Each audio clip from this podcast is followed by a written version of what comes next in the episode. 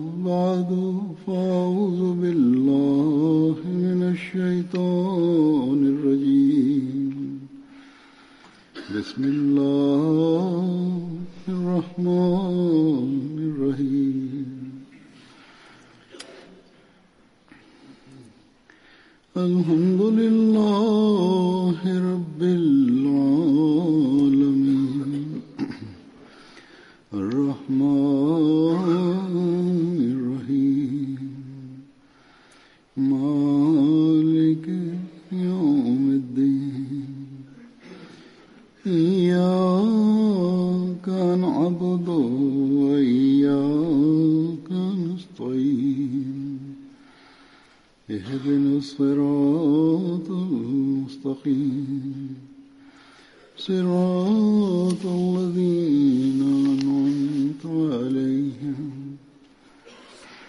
غير المغضوب عليهم ولا الضالين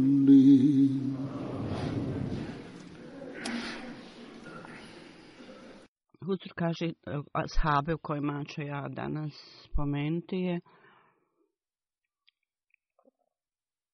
ja mislim Bilal da je rekao njegova majka Omeira bin Mutali dala bude zadovoljan sa njom bila je tetka po majici časnog poslanika sallallahu alaihi ve sellem prema tome ona je bila bilo bliska rodca, prva rodca časnog poslanika, sallallahu alaihi wa sallam.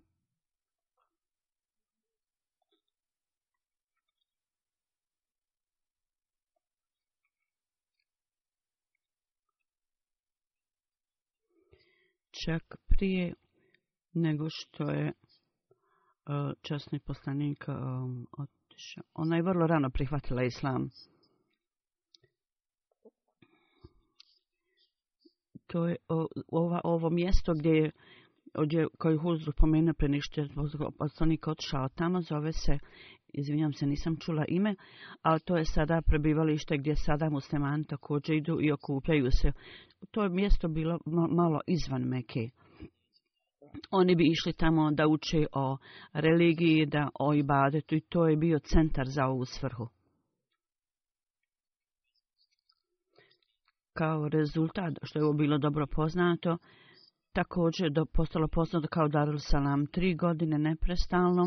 Ovo je bio centar za muslimane u Meki. Oni bi vrlo tiho i privatno činili ibadet i okupljali sa časnim poslanikom sallallahu alejhi ve sellem. Kad je Hazreti Omer radijallahu anhu prihvatio islam, one su to više otvoreno činili, dakle okupljali se na ovom mjestu. Hazreti Omer, spomenuo je u hadisu, je bio zadnji, zadnja osoba koja je prihvatila islam u ovom centru. Znači, izvinjavam se, na početku sam mislila da je Hazret Bilala, nije nego Hazreti Omer. Prije nego što je ovo postao centar ovo mjesto, Hazret Abdullah bin Josh, znači o Hazreti, Hazreti Josh Rehuzuće govor danas. Spomenuti u hadisu da su koreši idolopoklonici od svoje okrutnosti nisu govorili s njim, bili su ljudi.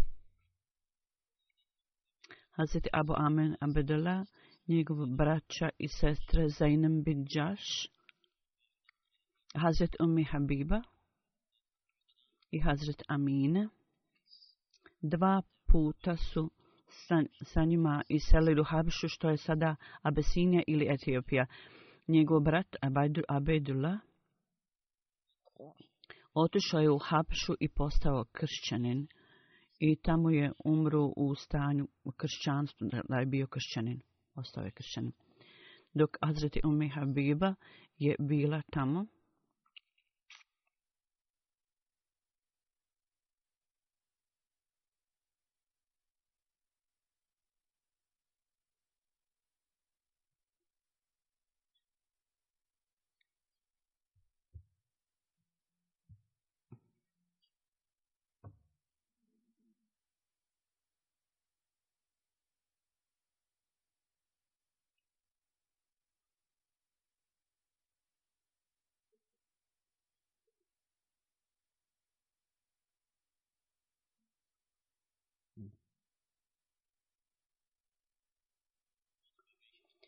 prije iseljavanja u, u Medin, iz oni, oni su, ona je došla u Mekiju i otamo otša na Gen Erem.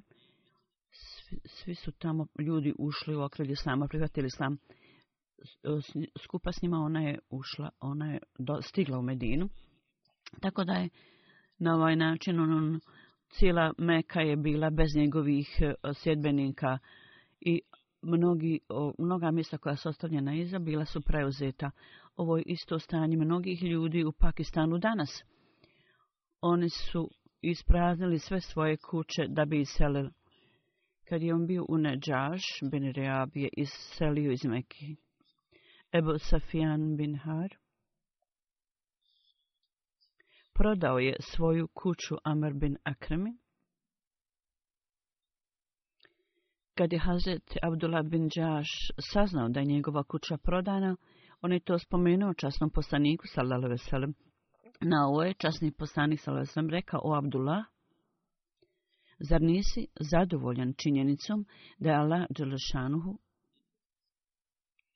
na domista, umjesto toga tebi džahennem, Zabdullah bin Đoš je rekao o Allahu poslaniće, jeste zaista ja sam zadovoljan ovom činjenicom. Tako da je časni poslanik, sallallahu alihi veselem, rekao.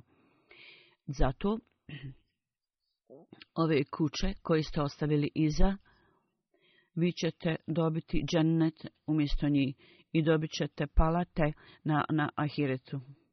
Biće za vas pripremljeno. Hazrat Abdullah bin Đaš je poslan sa delegacijom ili u ekspediciju u Valiju Nehle. Ovo je spomenuto u knjizi historije. Jedan dan časni poslanik, sallallahu alaihi veselem, je, pon, je klanjao iša namaz, jaciju namaz i rekao Hazreti Abdullah bin Đašu. Doći će jutro kad ću morati da te pošaljem negdje sa uh, oružjem. Sa... Kad je časni poslanik klanjao fađer sabah namaz, dan poslije toga, skupa sa svojim lukom i strelom, on je čekao sa, na Abdullah bin Đašu. Časni postanik Salim pozvao Abel bin Kab i dao mu nalog da napiše pismo. Kad je pismo bilo napisano, Hazret Abdullah bin Đaš je pozvan i dato mu je ovo pismo. On je rekao, ja tebe određujem delega, vožom ove delegacije.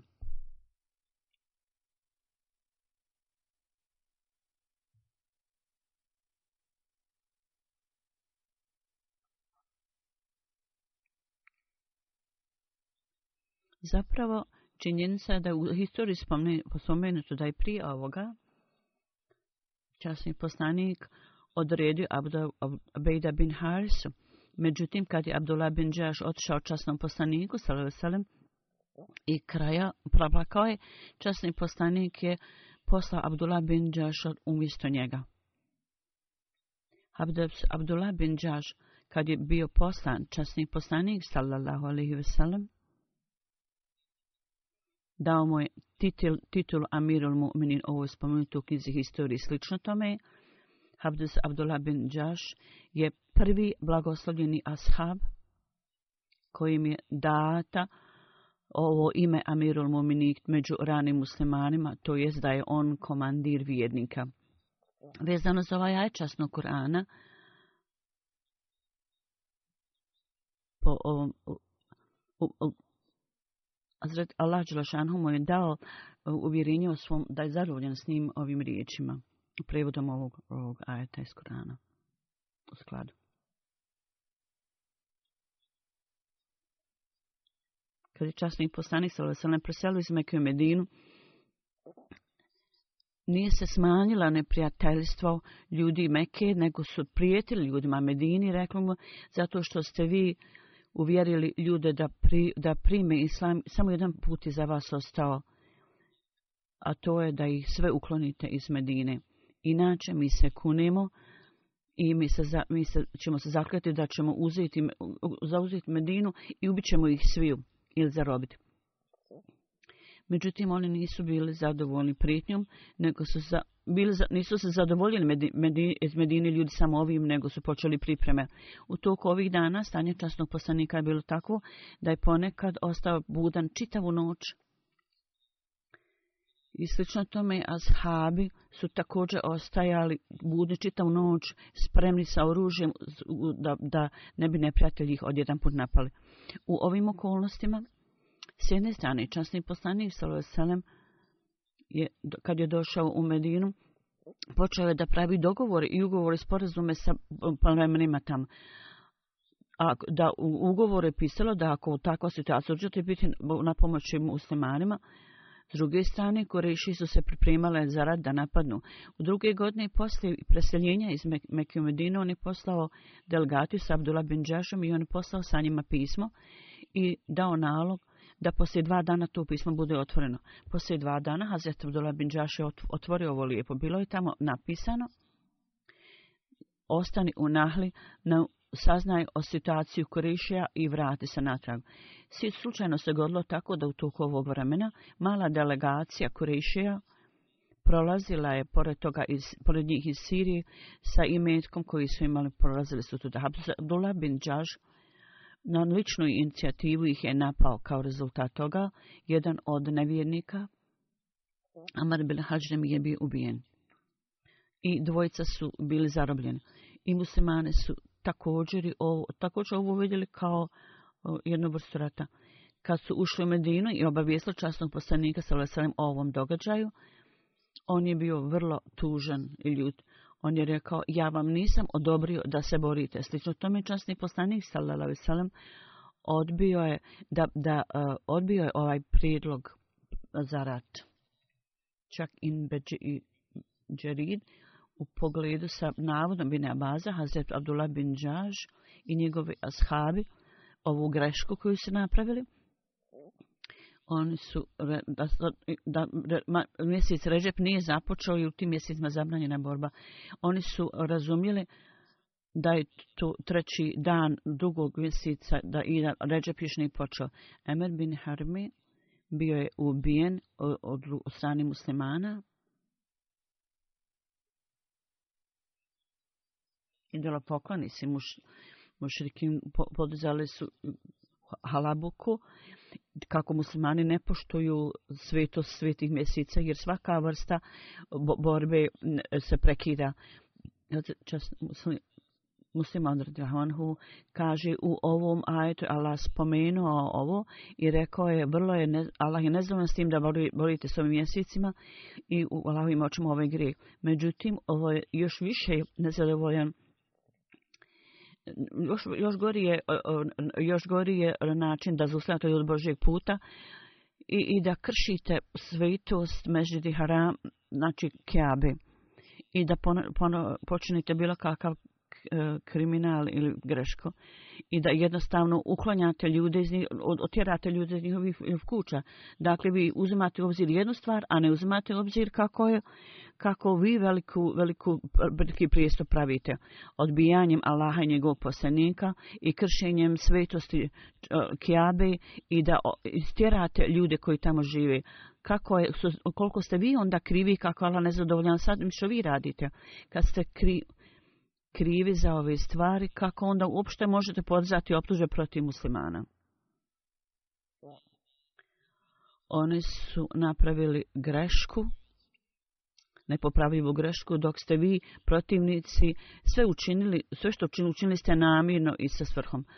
Hadis ima u Buhari i komentar na ovu, Hazreti Said bin Abedin veli Laša sahib,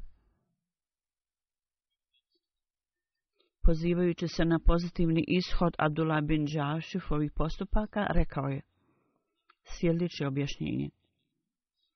Da iznošenje, da je svrha s kojom je ova delegacija poslana, oni su bili potpuno uspješni u tome, kroz ove zatvorenike oni su dobili definitivne informacije o stvarnom stanju Kurešija u Meki. Ovaj događaj s malom delegacijom bilo je potpuno uslučajan e, u, u, u, u tom toku njihove, njihove misije. Neki ljudi imaju mišljenje da u pogledu ove delegacije da oni su možda htjeli da uzmu ove, da uzmu ratne plenove. Ovo nije tačno. Stvarna stvara ove delegacije je bila samo da kroz ovu delegaciju i kroz ove zatvorenike da oni mogu saznati o karavanu Ebu Sufijana i saznaće o planovima ratnim i o definitne informacije, tačne informacije o korišnjama Meke i njihovim planovima. Ovo tajne su zapravo bile otkrivene kroz ove zatvorenike, tako da oni nisu propustili ovu priliku da ispadne izaći iz njihovih uh, ruku da, da i oni nisu ovaj karavan zarobili samo da bi stekli imetka, nego su bile, bile pre, kao, da, kao da oni su htjeli da, da uzmu imetak ove delegacije i da ne sazna ovako važne informacije i da se vrate časnom poslaniku nabavljenog posla. To nije tačno. Hazabtullah bin Đaš je bio vrlo sposoban ashab. On je također bio rođak po ocu časnog poslanika, sallallahu alaihi sallam i vredan povjerenja, samouvjeren i časni postanik je odredio da vodi ovu delegaciju, da bude vođa delegacije. Kad je časni postanik, sallallahu alaihi veselem, saznao o pripremama za rat koji koriše napravi, on je počeo svoje pripreme. I to je tajno obavio. Zapisano je da možda su ova iznošenja spomenuta u Bugazi, to jest ove navodi, ovi tradicije, hadisi koji se odnose na rad, spomenuto je da je časni poslanik, sallallahu alaihi veselem, nije bio zadovoljan sa Abdullah bin Đašom i njegovim ashabima. Ova ljutnja je bila opravdana činjenicom da takva situacija se dogodila i mogla je voditi nekom, nečem većim. Nekada neki postupci mogu se uh, koji se, koji se vidi kao greška mogu biti blagoslovni čas od Allaha Đelšanu. Neki događaj vode do velikih ishoda, dakle bilo je posve moguće da, da je ova delegacija do Labinđaše nije bila poslana i da ovaj događaj se nije dogodio i da ta delegacija iz Sirije konačno je stigla u Mekiju, onda bi ku, kureši ne, ne bi otkrili ovu, ovu svoju pripremu i onda bi muslimane bile napadnuti i velikim brojem od njih i njihovim oružjem i bilo bi skoro nemoguće za muslimane u toj situaciji da im se odupru. Međutim, rezultat ovih postupaka Abdullah bin Josh, oholi, vođ, oholi vođe Koreša bili su primorani da iznajme 100.000 stražne vojske, otišli su u bitku na Bedru, da spasi svoju delegaciju, međutim on nije znao da je njegova sudbina tamo bila zapečačena. S druge strane, također je moguće da, da ovi ashabi su saznali da su poslani da se bori protiv vrlo snažne i dobro poznate vo, dobro popularni sposobni armije. Oni, oni bi, oni bi uzdržavali se. Dakle, ovo je bilo sa tom svrhom da muslimani saznaju njihove planove ovo se u situacijama rata, u situacijama ovo se naziva nekom vrstom kamuflaži. Da časni poslanik to u tajnosti zadržu da ne bi muslimanim uzdržavali se da napadnu.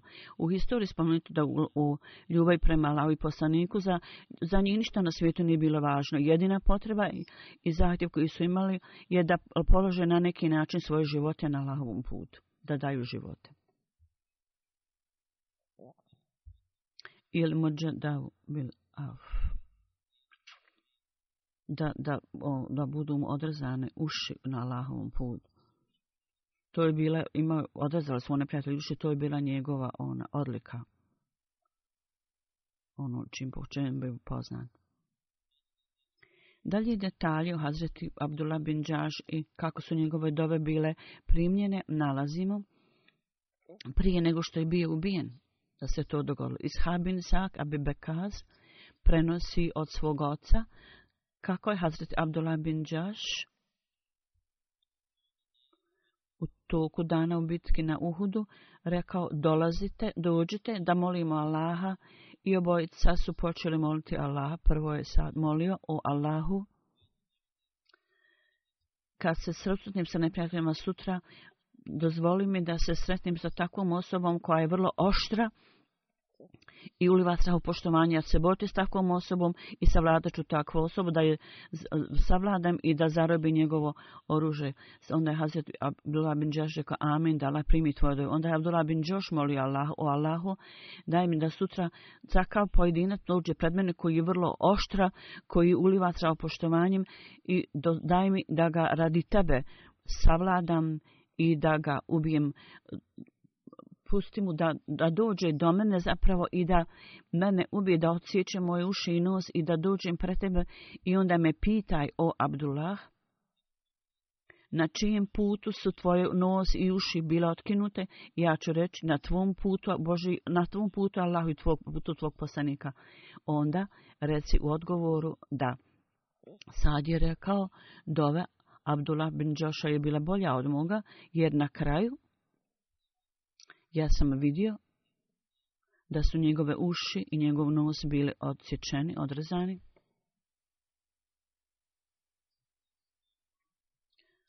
Ovo je bio okrutan postupak koji su neprijatelji upuštali se i radili. I ponekad e, izuzetni, krajnji iz ekstremni muslimani danas također provode ovakve okrutnosti imamo hadis o Hazreti Abdullah, da je časni poslanik, sallallahu alaihi sallam, na dan kad je slao delegaciju u bitku na, na Uhud, na mjestu blizu Medine, gdje je časni poslanik, sallallahu alaihi sallam, boravio, na putu ka Uhudu i on je preko noći staja boravio u tom mjestu. Hazreti Umi Salma je donio neko pečeno meso, koji je časni poslanik jeo, slično tome je još neka druga vrsta hrane donesena, koje, neki i piće koji časni postanik pio, napitak neki. To je jedna vrsta harire. Onda je osoba uzela uh, u posude koje do, i popio, onda je posuda data Abdullah bin Josh i on je to do kraja završio. Druga osoba je rekla, da i meni također malo, Znaš li ti šta će se sutra dogoditi? On je rekao Abdullah bin Josh. Hazretullah bin Josh je odgovorio, da, ja znam. Sresti se Allah sa Lamdžoša na ovaj način, na koji sam ja pojao, najio se punim stom, sa punim stomakom, to je velika stvar i oni više zadovoljeni s tim, nego da i, na idem u, u tu bitku da sam gladan. Ovo je nesvatljivo razmišljanje ashaba da su razmišljali na ovakav način. Hazab Tola bin Đoš i Hazreti Hamza bin Mutalem bili su ubijeni istog dana. Hazret Hamza je bio a, Amidžel Dajđa Sedeb bin Đoš. Imao je oko, blizu samo 40 kad je bio ubijen. Časni poslanik, sallallahu alaihi veselem, je, je bio uh, svjedok na njegovom vjenčanju na Nika. A Zabdullah bin Josh je imao vrlo, uh, imao vrlo dobro i snažno mišljenje o što o častnom poslaniku. Među, među svim ashabima častni poslanik od kojih je stražio savjet je među njima jedan bio Abdullah bin Josh. Dakle, časni poslanik je o njemu visoko mišljenje.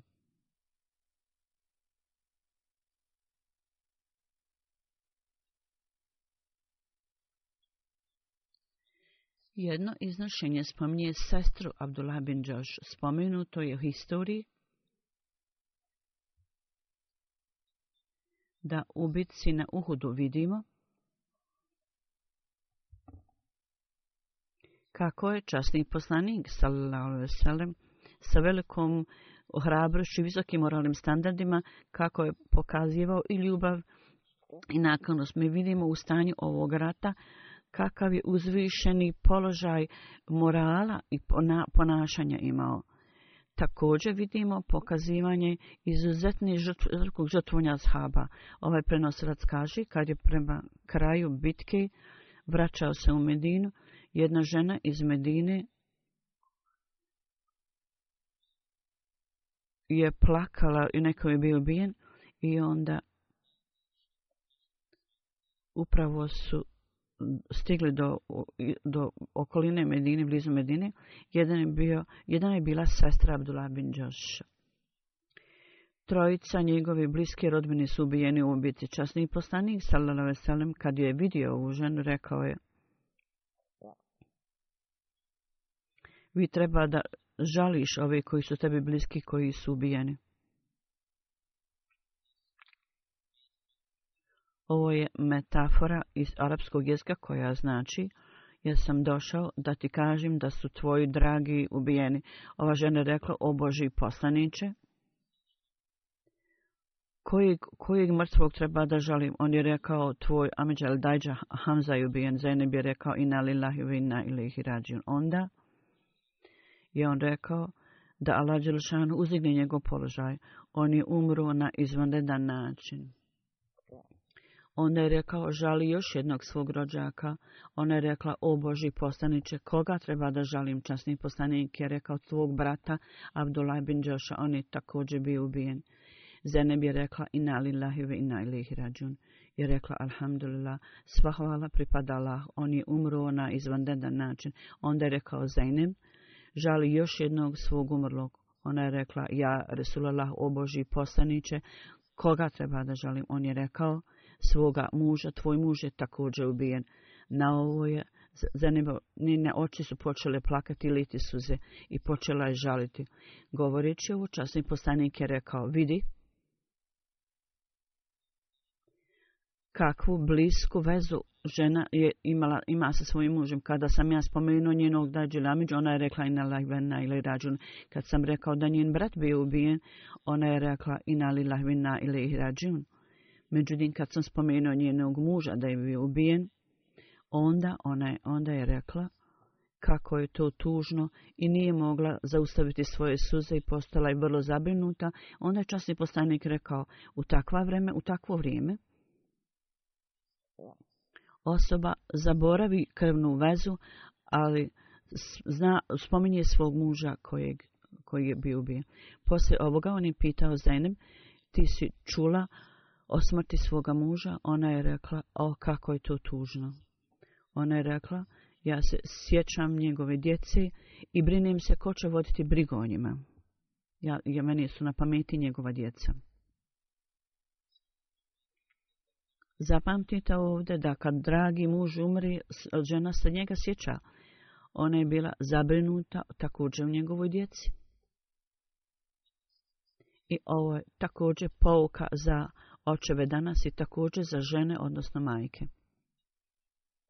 Treba da postanete muževi koji su dragi i voljeni. I majke trebaju postati majke koji se brinu o svojoj djeci, koji su zabrinuti o svojoj djeci. Da postanete dragi muževi, treba da ispunite dužnosti svojih, prava svojih žena i djece. Ja primam puno prigovora danas iz familija iz kućanstva, od ukućana.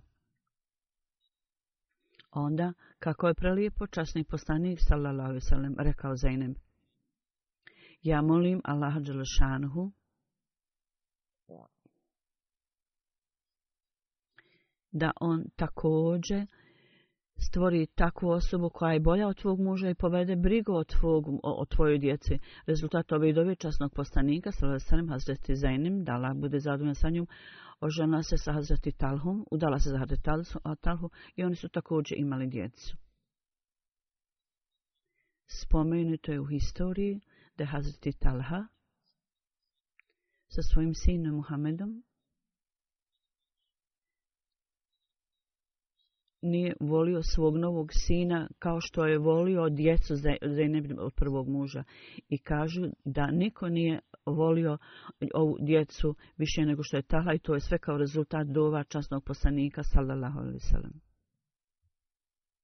Hazreti Kab bin Zaid, da Allah bude zadovoljan sa njim, njegovo ime je Milo Kab bin Zaid Malik.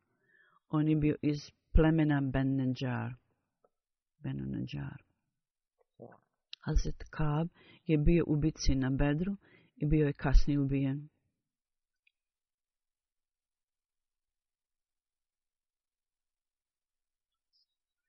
Kažu da je pogođen bio strelom neprijatelja,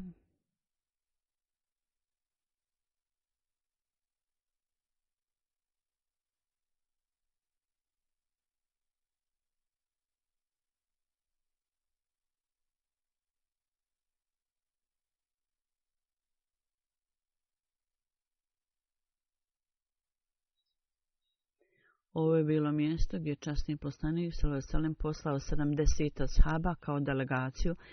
Mnogi od njih su bili hafizi Kur'ana, zapamtili su na pamet cijeli Kur'an i svi su bili ubijeni na to mjesto. Samo jedan koji je nije bio ubijen je ovaj, ovaj asab o kojem govorim, to je Hazret Kab.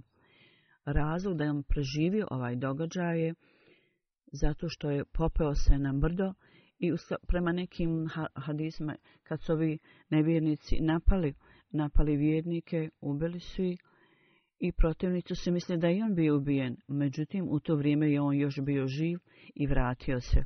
Vratio se u Medinu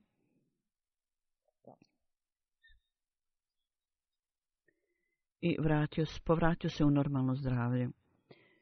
Treći spomenuti Hazreti Salih, Ashab, Njegovo ime je bilo Salih. I njegov epitet je bio Šakuran. I potom je bio poznat Hasete Salih Šukuran. Časni poslanik, sallallahu alaihi ve sellem, je volio da ga koristi za neko služenje. On ga je obkupio te i te osobe i neko je rekao da Hasab Abdullah bin Auf bio, bio dat časnom poslaniku, međutim u izrašenju kaže da je on bio prodan. Hazret Salih Šukuran je bio u bici na Bedru, zato što nije u to vrijeme bio slobodan, zato je časni poslanik, salallahu alaihi veselam, nije ga ostavio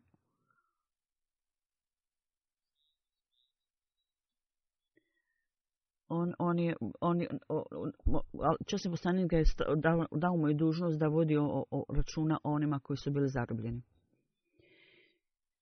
I osoba koja je određena za ovu dužnost, zato što nije bio slobodan, nije mu također dat udio u ratnom plinu, međutim, on je, a zato što je bio nadgledao, nadgledao ove koji su bili zarobljeni, dobio veći udio nego drugi.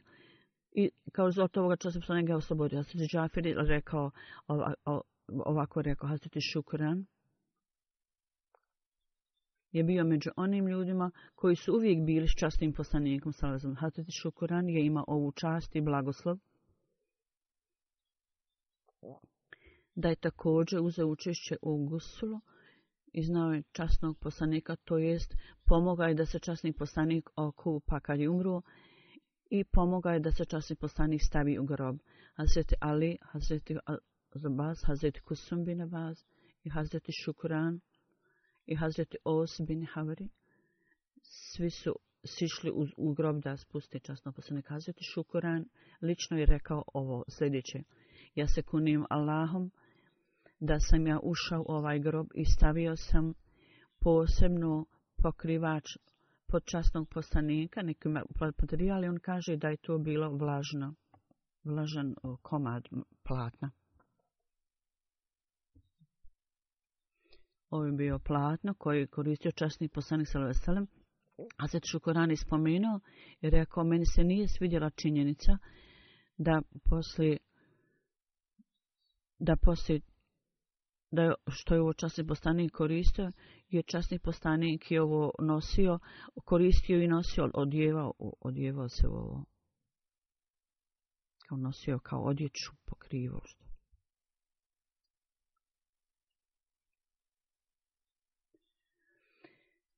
Prilikom, prilike u raznim bitkama, da ću Koran bio određen da se brine o svim zarobljenicima i o, i o onima koji su bili zarobljeni i zatvorenicima. Uh, on bio vrijedan povjerenja na ovaj način i vodio je brigu o svojoj dužnosti s velikom željom.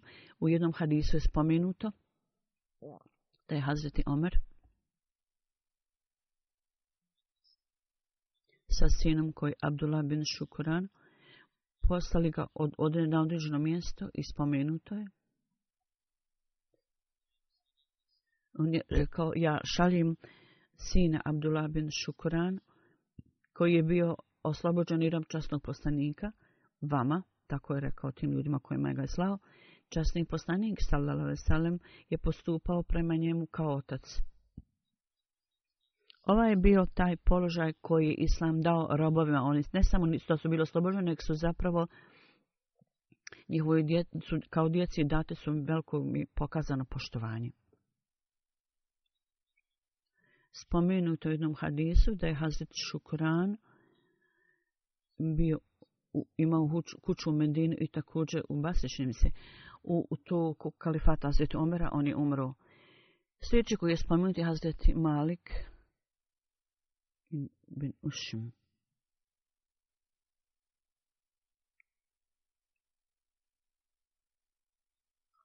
On je bio iz plemena Benovorom imao jednu čerku također. Njeno ime je bila Roja. Bila je jedna pre, i pre, između ško, učenika i prepirka da zeti malik did, u, i, ima učešće u nekoj bicilini. Prema nekim učenjacima on jeste imao uz, u, bi učestvao u toj bici. A za, međutim neki vode debat razgovor o tom da zeti malik učestvovao na, na bedru Uhudu i još jednoj bici i ostao je blizak časnom postaniku. Sahil bin Amar, koji je bio među poglavicama Kurejšija, uzeo je učestvo među mušikinima, koji je Malik zarobio i učinio zatvorenicima.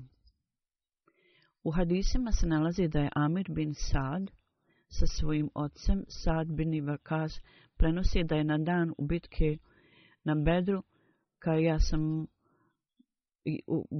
izbacio strelu koja je ubila neprijatelja. Ja sam vidio da Hazreti Malik zgrabio kosu ovog neprijatelja i rekao ovo je moj zatvorenik.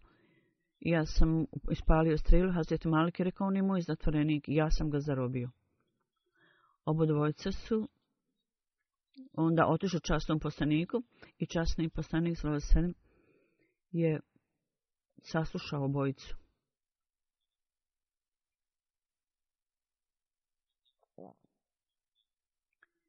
I ostavi Hazret Malika. Hazret Malik je vrlo glasno rekao da nađe gdje ili pobjegao. Po, na ovo, po, u ovoj prilici časni poslanik je rekao gdje god ga nađeš trebaš ga ubiti. Znači tog zatvorenika vjerovatno i on je došao u stanju rata da se bori protiv muslimana, bio je zatvorenik i pobjegao je, postojala je opasnost da je to bila situ ratna situacija i ratne okolnosti. Bilo kako bilo, bilo je, pri, bilo je više prilike da će taj preživjeti tako da su našli ovog zatvorenika, zarobljenika, kad su ga našli, časni poslanik ga onda nije ubio, da je na, bio da su ga našli među drugim ashabem, bio bi ubijen. Međutim, pošto ga časni poslanik našao, on ga nije ubio. Ovo je bio primjer časnog poslanika, sallallahu alaihi veselem, i ovo je bio njegov odgovor onim nepravednim ljudima koji su iznosili, koji iznose op, op, optužu protiv poslanika da bi okrutani da je prolijevao krv.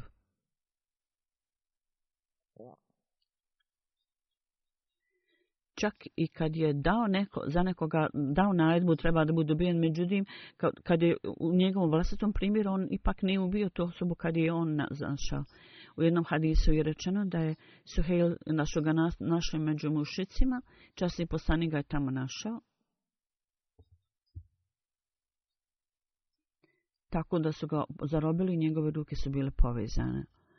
Spomenute u Sahih Buhari knjizi hadisa 1400 da je Hazreti Malik, koji je bio među onim ansarima, ashabima častnog postanika, salveselem, koji su bit, bit, bit, učestvovali u bitci na Bedru, onda je došao poslaniku i rekao, o Boži postaniče,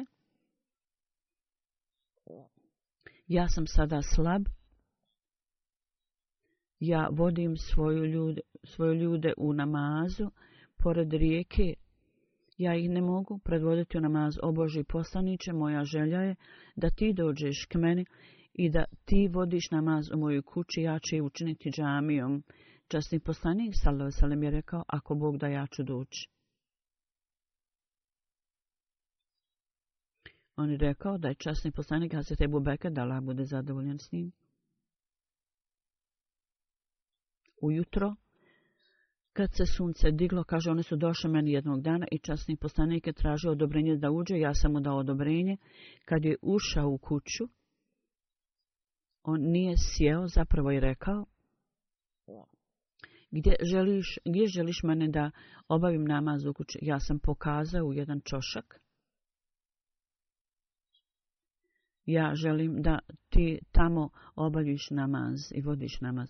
Časni poslanik, salve selem, salve, je ustao radi namaza i rekao Allahu Ekber i tamo je stajao i onda smo mi formirali linije i on je klanjao dva rekeata i predao salam. Ovaj prenosilac dalje kaže Onda je napravljena određena hrana sa mesom i, i brašnom i dato je časnom poslaniku. Međutim, on ih je zaustavio Mi smo pripremili uhranu za njega i prenosilac kaže, bilo je drugih ljudi iz oblastnih, iz, iz onih okolnih oblasti, bile su u kući prisutni. Onda je e, rekao, Malik, Binduction, gdje je on? Među njima neko je rekao, on je licemir. On ne voli Allaha i njegovog poslanika. Možda su to rekli zato što on nije došao. Časni poslanik je rekao, nemojte tako govoriti. Zar ne vidite da on izgovara la ilaha illallah Muhammedu Rasulullah, on, on, on zaslužuje da voli Allah i Allahovo zadovoljstvo. Onaj ko ovo kaže Allah, a oni su rekli Allah i njegov poslanik znaju bolje. Onda je on rekao, mi vidimo njegov interes je sličan kao li, interes licemira. Sličan interes u licemira.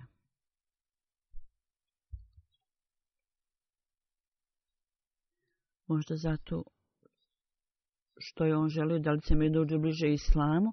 Časni poslanik je rekao o Allah se sigurno učinio da vatra bude zabranjena onome ko kaže la ilala Muhammedu Resula pod uvjetom da on želi Allahovo zadovoljstvo. Ovo je također odgovor ta, onim takozvanim učenjacima koji idu okolo i izgovaraju ove ove fetve protiv o, muslimana, pogotovo protiv Ahmedi Ahmedi muslimana.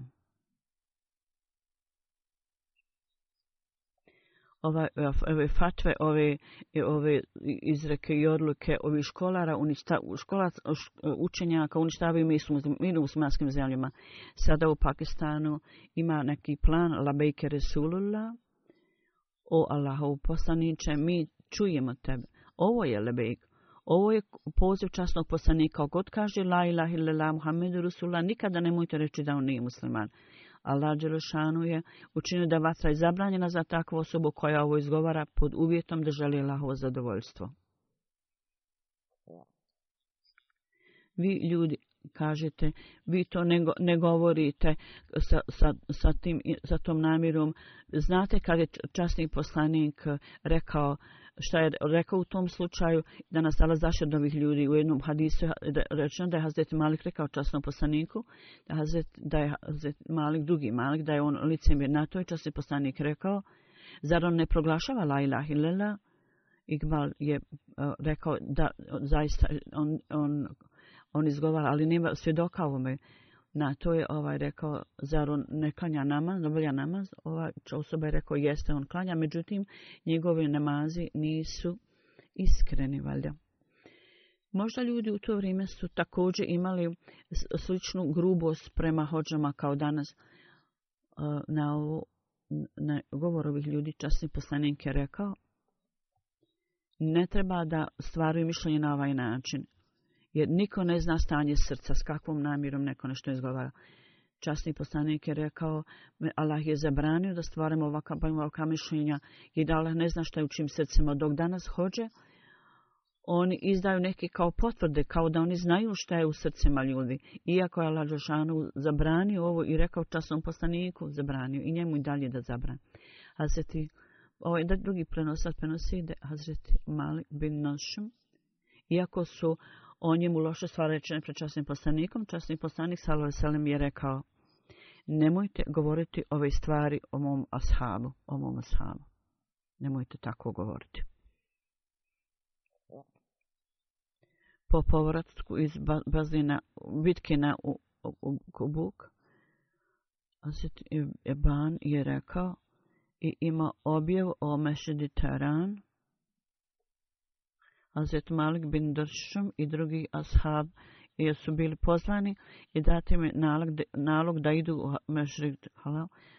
Ovaj Malik i ovaj ashab otišli su stigli tamo jer, jer to bilo njegovo pleme i Hazret Malik je rekao Hazret Manu koji je išao sa njim daj mi neko vrijeme da donesem vatri od kuće i donio je neko suhog drveća i otišli su obdvojica Međid Harar i prema jednom hadisu, to je između Akšama i Jaci, oni su oni su zapalili vatru kod ove džami koji su, hipokre, koji licem, su licemjeri podigli da bi, da bi uznamiravali muslimane i stvarali razlog.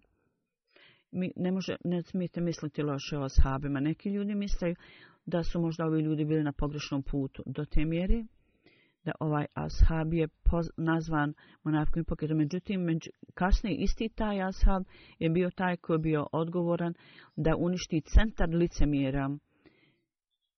I to je, Allahova bila volja da se ovo dogodi.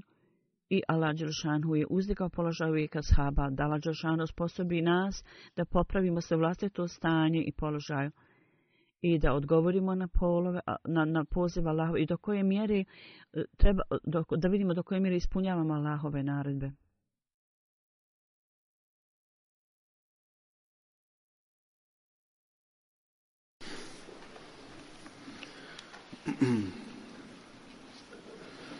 Alhamdulillah Alhamdulillah nahmaduhu wa nasta'inuhu wa nastaghfiruhu ونؤمن به ونتوكل عليه ونعوذ بالله من شرور انفسنا ومن سيئات اعمالنا من يهده الله فلا مضل له ومن يضلل فلا هادي له ونشهد أن لا إله إلا الله ونشهد أن محمدا عبده ورسوله عباد الله رحمكم الله إن الله يأمر بالعدل والإحسان